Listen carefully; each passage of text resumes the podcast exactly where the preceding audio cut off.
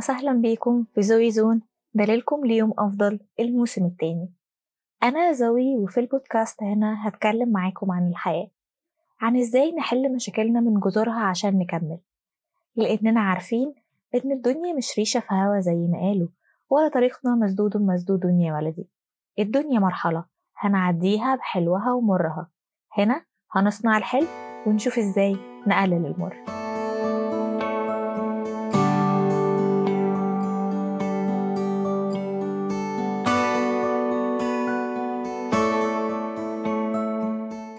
حلقة النهاردة هنتكلم عن الشكر والامتنان وإيه هو تأثيرهم على المزاج والحالة النفسية ويعني إيه امتنان أصلا وإزاي ممكن ننميه في حياتنا وإيه هي فوائده على صحتنا النفسية. يلا بينا نبدأ الحلقة. الشكر والامتنان مشاعر إيجابية بتعبر عن التقدير والرضا عن النعم والحاجات الحلوة اللي في حياتنا. سواء كانت كبيرة أو صغيرة مادية أو معنوية. فالشكر والامتنان ليهم تأثير عميق جدا على المزاج والحالة النفسية لأنهم بيزودوا من السعادة والراحة والثقة بالنفس وبيقللوا من القلق والاكتئاب والتوتر والسلبية. لأننا لما بنشعر بالامتنان لوجود حاجة معينة أو شخص في حياتنا ونعبر عن المشاعر دي بالشكر والتقدير فكده إحنا بنحسن علاقتنا مع الناس اللي حوالينا وبنحسن من رضانا عن نفسنا وبنخفف زي ما قلنا من التوتر والقلق والاكتئاب وبنعزز من المرونة النفسية والقدرة على التأقلم وبنحسن من صحتنا الجسدية ومناعتنا.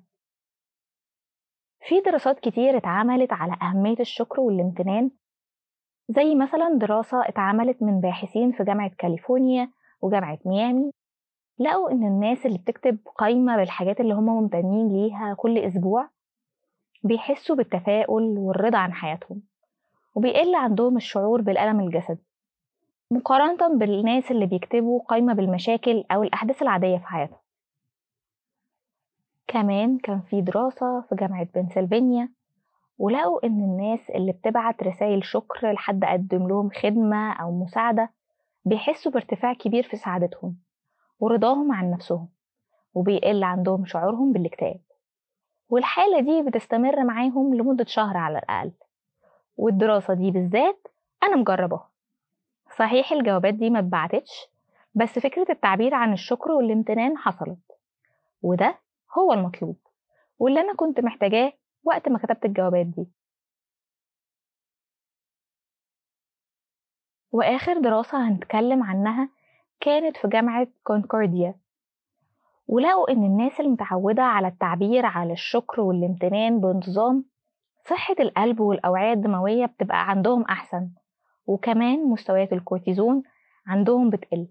والكورتيزون دوت هرمون الإجهاد اللي إحنا اتكلمنا عنه قبل كده.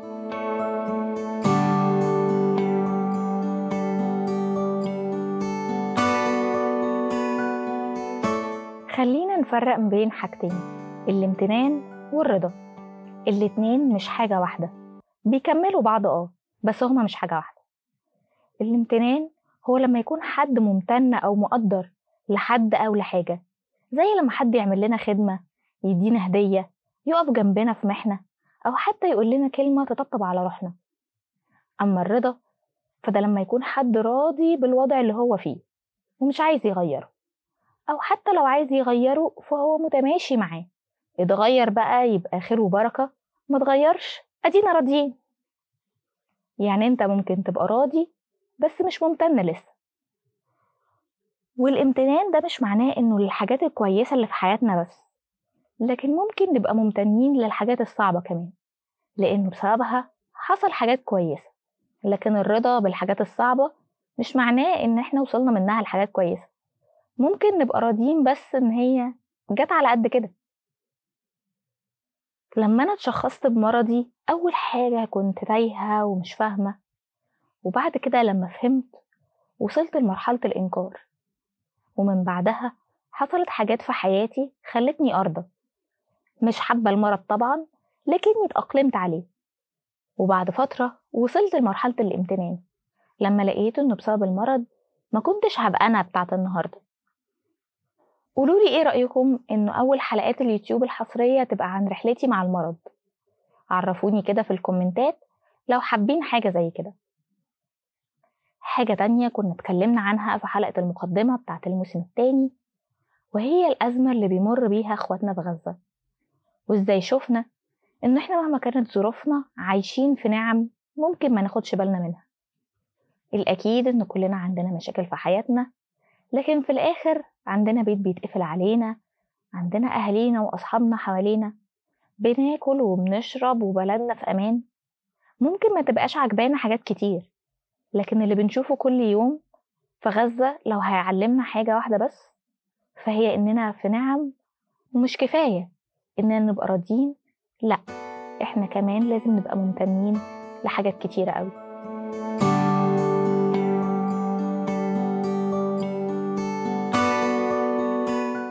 طب إزاي بقى نعزز من وجود الامتنان والشكر في حياتنا اليومية؟ في بعض الطرق والنصايح ممكن نعملها زي مثلا الكتابة والتدوين يعني كل يوم نكتب ثلاث أو خمس حاجات إحنا ممتنين ليها مهما كانت بسيطة أو عادية زي الصحة العيلة أصحابنا الأكل اللي بناكله الجو الحلو أو أي حاجة بتبسطنا أو تخلينا نعيش يومنا بشكل أحسن ممكن في الأول تلاقي صعوبة في إنك تكتب حاجات جديدة كل يوم بس بعد كده العقل هيتدرب على إنه يلاحظ الحاجات دي وهتلاقي الكتابة بالنسبة لك أسهل. التعبير عن الشكر وده إننا نقول شكرا أو نبعت رسالة أو هدية لحد قدم لنا خدمة أو معروف أو نصيحة أو دعمنا في وقت صعب أو شجعنا. ونعبر له عن قد إيه إحنا بنقدره وممتنين ليه وللي عمله لينا ونختص بالشكر الناس القريبين مننا اللي في أوقات كتير بنتعامل إن وجودهم تحصيل حاصل مع إن وجودهم هو ده اللي بيخلي لحياتنا معنى. أكيد في حد في حياتك وجوده مهم. كلم الشخص ده وقوله هو قد إيه وجوده مهم. ووجوده مهم ليه؟ من عبقرية أغنية عمرو دياب شكرا من هنا لبكرة إن فيها تفصيل هو بيشكرهم ليه؟ والتفاصيل دي هي اللي بتفرق مع الإنسان اللي بنقوله شكرا. جرب حد يعمل لك حاجة كده وقول له شكرا وبس. وشوف تأثيرها عليه. ومرة تانية قول له شكرا على تفصيلة معينة. هتلاقي تأثيرها أكبر. كمان في التأمل في النعم. زي ما قلنا إننا عايشين في نعم كتيرة. ولو قعدنا نعدها مش هنخلص. لكن التأمل في النعم ده كفيل إنه يبعد عننا الأفكار والطاقة السلبية. ده أنت في نعمة. إيه اللي ممكن يضايقك أو يعكنن عليك؟ كمان لو واخد صورة سلبية عن نفسك هيحسنها خصوصا لو النعم دي موجودة في هيئة أشخاص أو إنجازات أنت حققتها. ده هيخليك تفكر إنك أكيد مش وحش قوي كده وإلا الحاجات دي حصلت إزاي؟ نقعد كده ونفكر ونحمد ربنا على نعمته. التطوع لما بنقدم جزء من وقتنا أو فلوسنا أو جهدنا أو مهاراتنا عشان نساعد ناس محتاجة بنحس بالفرح لما بنشوف ابتساماتهم أو نسمعهم بيشكرونا أو بيدعوا لنا. وده بيزود من شعورنا بالامتنان لنفسنا وقدرتها على عمل الخير. وده بيوصلنا لفكرة إننا لازم نستمتع بالخير والحاجات الحلوة اللي بتحصل لنا. ما أنا لو مش شايف إنها حاجة حلوة مش هعرف أبقى ممتن ليها وهتبقى بالنسبة لي حدث عادي. لكن لازم نقدر كل لحظة حلوة في حياتنا ونديها حقها. الامتنان هو أحسن طريقة تبدأ بيها اليوم لأنه بيفتح لك أبواب التفاؤل وبيساعدك تشوف الفرص مش العقبات.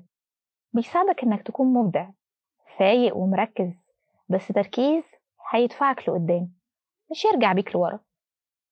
الامتنان لو كان دواء كان هيبقى الأعلى مبيعا لأنه ضمانة لحياة أفضل.